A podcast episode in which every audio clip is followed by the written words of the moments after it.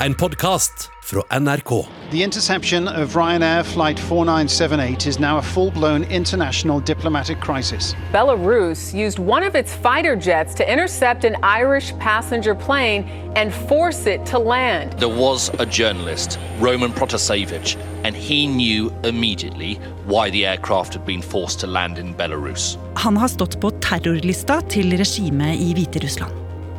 Den 26 år gamle regimekritikeren Raman Pratasevic.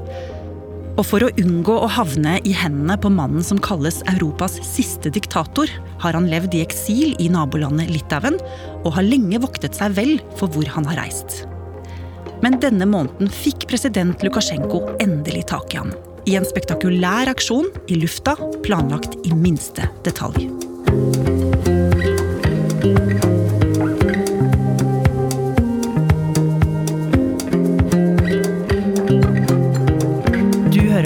Oppdatert. Jeg heter Ragna Nordenborg.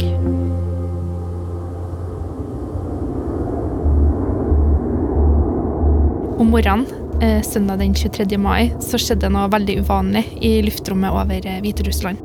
Mariann Strand er journalist i NRK. For der var det et eh, Ryan Airfree som var på vei fra Aten til Vilnius i Litauen. Reasons.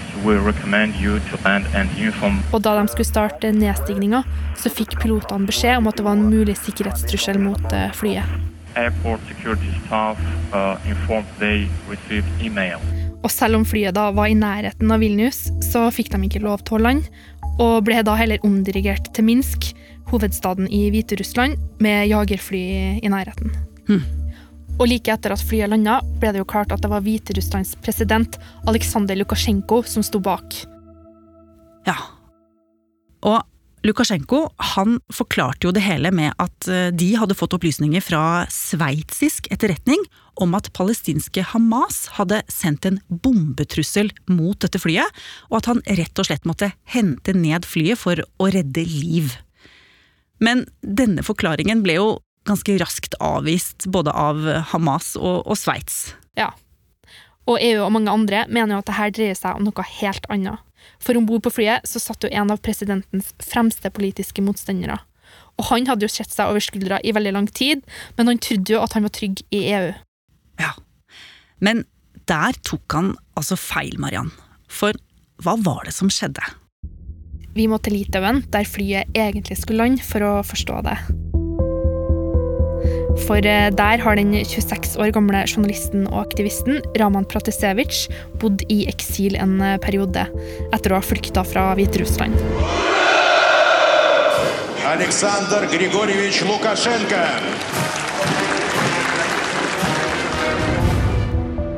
For i Hviterussland så sitter jo Aleksandr Lukasjenko med makta, og han har styrt landet med jernhånd siden 1994 og slått det på alle kritiske stemmer i landet. Og da spesielt etter de store demonstrasjonene som var mot Lukasjenko etter presidentvalget i fjor. Tens of thousands of protesters flooded the streets in Belarus's capital on Sunday in red and white, demanding leader Alexander Lukashenko to step down. Og fra sitt eksil i Litauen var Raman med på å etablere det uavhengige nettstedet Nekta. De brukte bl.a. appen Telegram til å spre videoer og annen dokumentasjon av volden som ble gjort mot eh, demonstrantene.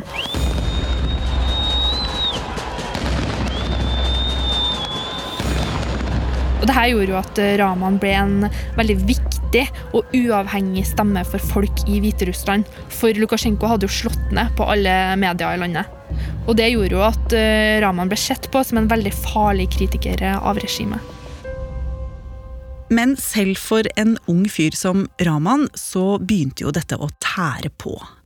Og for en tid tilbake siden så oppfordra vennene hans ham til å ta seg ferie, rett og slett. Det har foreldrene fortalt. Men det å reise, det ville jo medføre en veldig stor risiko for Raman Marian. Ja, for han sto jo på Hviterusslands terrorliste, så han kunne jo ikke risikere å bli tatt, fordi det kunne jo bli veldig stygt. Mm. Derfor så visste jo Raman at han ikke kunne reise til land som samarbeider med Russland eller Hviterussland, og derfor så valgte han heller å reise til Hellas. Ja, og Vi kan jo i hvert fall tenke oss at han tenkte at det var trygt, siden Hellas jo er medlem av EU, og at det ville være usannsynlig at noen skulle klare å få kloa i ham på EUs territorium. Ja, og i Hellas ble det også arrangert en økonomikonferanse, der den hviterussiske opposisjonslederen Svetlana Tikhonovskaja skulle holde tale. Og det her ville han jo også veldig gjerne ha med seg. Hmm. Og for å være på den helt sikre siden, Mariann, så valgte han også å fly med det irske flyselskapet Ryanair. Og så skulle han jo bare fra Hellas og hjem til Litauen, som jo også er medlem av EU. Ja, Så han, han følte seg trygg. Det gjorde han. Så i mai så pakka han kofferten og dro av gårde sammen med den 23 år gamle kjæresten sin, Sofia fra Russland. Og vi vet jo ikke akkurat hva de gjorde under ferien, annet enn at de var på denne økonomikonferansen. There is always sense of fear among Belarusians. Regime is responding only with violence to silence people, but people are not giving up. People have to be creative uh, in fighting this regime, but they will not stop.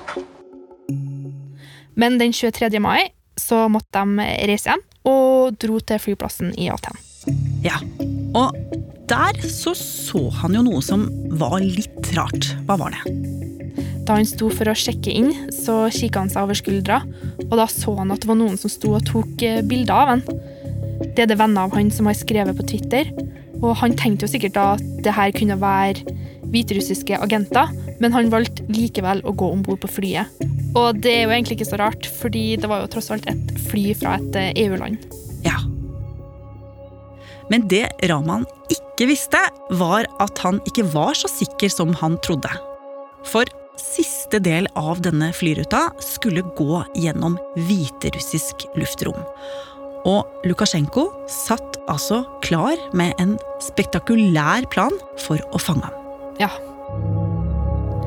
Raman og kjæresten gikk om bord på flyet, og da virka jo alt ellers veldig normalt. Det var mange turister om bord som hadde vært i Hellas, som jo nettopp har begynt å gjenåpne igjen etter korona.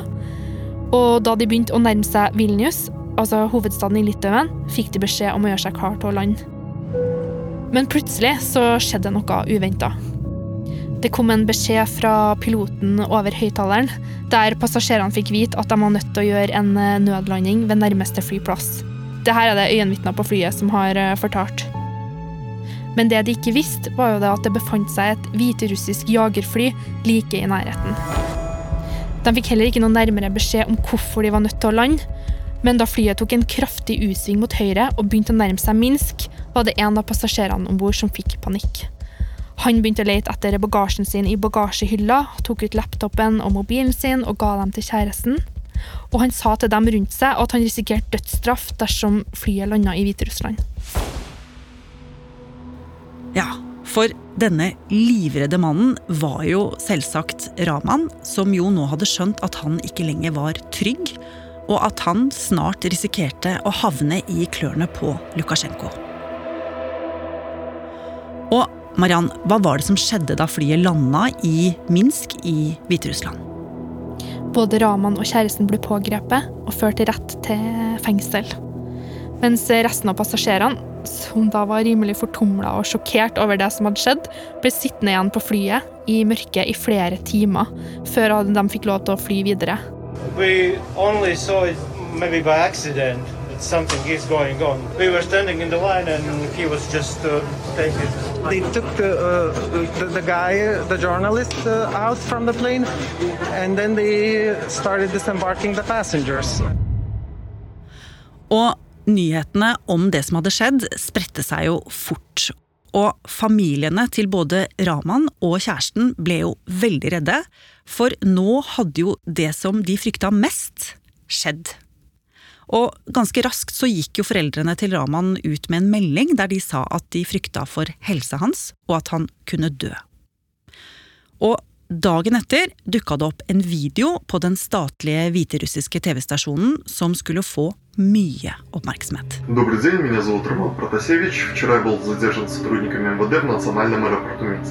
I videoen så ser vi at eh, Raman sitter alene ved et bord og snakker direkte til kameraet. Han har på seg en mørk hentegenser og forteller at han sitter i et fengsel i Minsk. Han sier at eh, politiet behandler han bra, og at uh, han holder på å tilstå forbrytelsene som han er anklaga for, og har organisert uh, ulovlige demonstrasjoner. Han sier også at han er ved god helse, men i videoen kan man jo se at Raman er bleik, at han har mørke ringer under øynene, og at han har veldig tydelige blåmerker i ansiktet. Mm. Foreldrene hans og dem som kjenner han, de sier at ansiktet hans også er hovent, og at nesa hans kanskje er brekt. Og det er jo en veldig sterk motsetning til det han sitter og sier i videoen, så derfor så bærer den jo preg av å være en slags gisselvideo. Og den gjør jo da veldig sterkt inntrykk når media over hele verden viser den. I går sendte myndighetene i Hviterussland ut en video av regimekritikeren Raman Protasevich. The dissident journalist from Belarus claimed in a video posted online Monday that, that he's being treated correctly, but of course it should be made clear he is speaking under arrest. Og reaksjonene på denne oppsiktsvekkende aksjonen for å få tak i Raman var jo veldig kraftige. EU reagerte raskt. De stengte rett og slett flytrafikken sin over Hviterussland og innførte nye omfattende sanksjoner mot regimet. Og Europakommisjonens president Ursula von der Leyen kalte det et angrep på demokratiet, ytringsfriheten og et angrep på europeisk suverenitet. For om bord på flyet som ble tvunget ned, så satt jo mange statsborgere fra nettopp EU. The safety and security of flights through Belarus airspace can no longer be trusted, and uh, this outrageous behavior needs a strong answer. Og også Natos generalsekretær Jens Stoltenberg var jo veldig klar. Han kalte dette for en statlig kidnapping. The forced landing of a passenger flight by Belarus was dangerous and uh, unacceptable. This is a state hijacking and demonstrates how the regime in Minsk attacks basic democratic rights. Mariann, hvilke konsekvenser får dette her? Både for Hviterussland og for resten av verden? Ja, for å forstå det, så har jeg snakka med Ane Tusvik Bonde, som er ekspert på Hviterussland. Hun jobber i Human Rights Foundation og er ansvarlig for Øst-Europa og Kaukasus. Og hun har jobba tett med menneskerettighetsorganisasjoner i Hviterussland i flere år. Lukasjenko sender et signal om at eh, man ikke er trygg noe sted. Selv i demokratiske stater hvor man har søkt om beskyttelse, så kan faktisk styresmakten styresmaktene og regimet, sånn som det hviterussiske regimet, få tak i deg. Situasjonen viser jo også at eh, Lukasjenko på en måte ser mot øst, og at han har sin støtte i Russland og, eh, og, hos russiske myndigheter, og egentlig ikke trenger resten av verden. Han er ikke redd for å bli enda mer isolert. Når det gjelder konsekvensene dette kan få for Hviterussland, så forteller Ane at landet risikerer å bli enda mer isolert, noe som dessverre vil ramme vanlige folk. Det som er karakteristisk med Hviterussland, er jo at store deler av befolkningen nettopp ikke ønsker at han fortsetter som president. Og selv om han da har klart å stoppe mange av protestene med frykt, eh, og gjort at ikke så mange tør å gå ut på gatene, nettopp fordi de er redd for å bli arrestert og få lange fengselsstraffer, de er redd for å bli torturert og banket opp, så fortsetter protestene i det stille. Folk er fortsatt imot regimet. Det som er skummelt med denne hendelsen, er jo også at muligheten for eh, hviterussere til å forlate Hviterussland kan bli enda vanskeligere, at landet blir enda mer isolert. Og man frykter også at denne saken skal få store konsekvenser også utenfor Hviterussland for andre opposisjonelle som lever i eksil. Det skumle er jo hvis han setter presedens. Derfor er det jo også så viktig med den internasjonale reaksjonen på det. Fordi at det gjør det enda farligere da, for alle som tør å ytre seg, og som har flyktet fra autoritære styresmakter at de ikke vet at det fins noe trygg havn. De kan ikke være trygge noe sted. Så sånn så tenker jeg det er veldig viktig at det har kommet så sterke internasjonale sanksjoner. Men Mariann, hva med Raman? Hva er det som skjer videre med han, tror du? Altså, han er jo sikta for å ha organisert ulovlige demonstrasjoner og risikerer opptil tolv år i fengsel. Han står jo også oppført på denne terrorlista. Og når man ser på hvordan Lukasjenko har slått ned på all opposisjon og politisk motstand i landet, så kan man jo tenke at familien har en god grunn til å frykte for sikkerheten hans. Mm. Det som også bekymrer familien, er jo at advokaten ikke har fått eh, tilgang til han, og at en annen politisk fange eh, har dødd i fengsel. Så på torsdag forrige uke holdt mora og faren en veldig sterk pressekonferanse der de ba verdenssamfunnet om hjelp. Derfor, og flere vestlige land har jo lagt press på Lukasjenko for å få Raman løslatt. Og fredag ble det kjent at FNs luftvernsbyrå skal etterforske den dramatiske flyturen. Og da kommer det jo kanskje enda flere svar på hva som skjedde. Så denne saken her er ikke over, Mariann. Nei.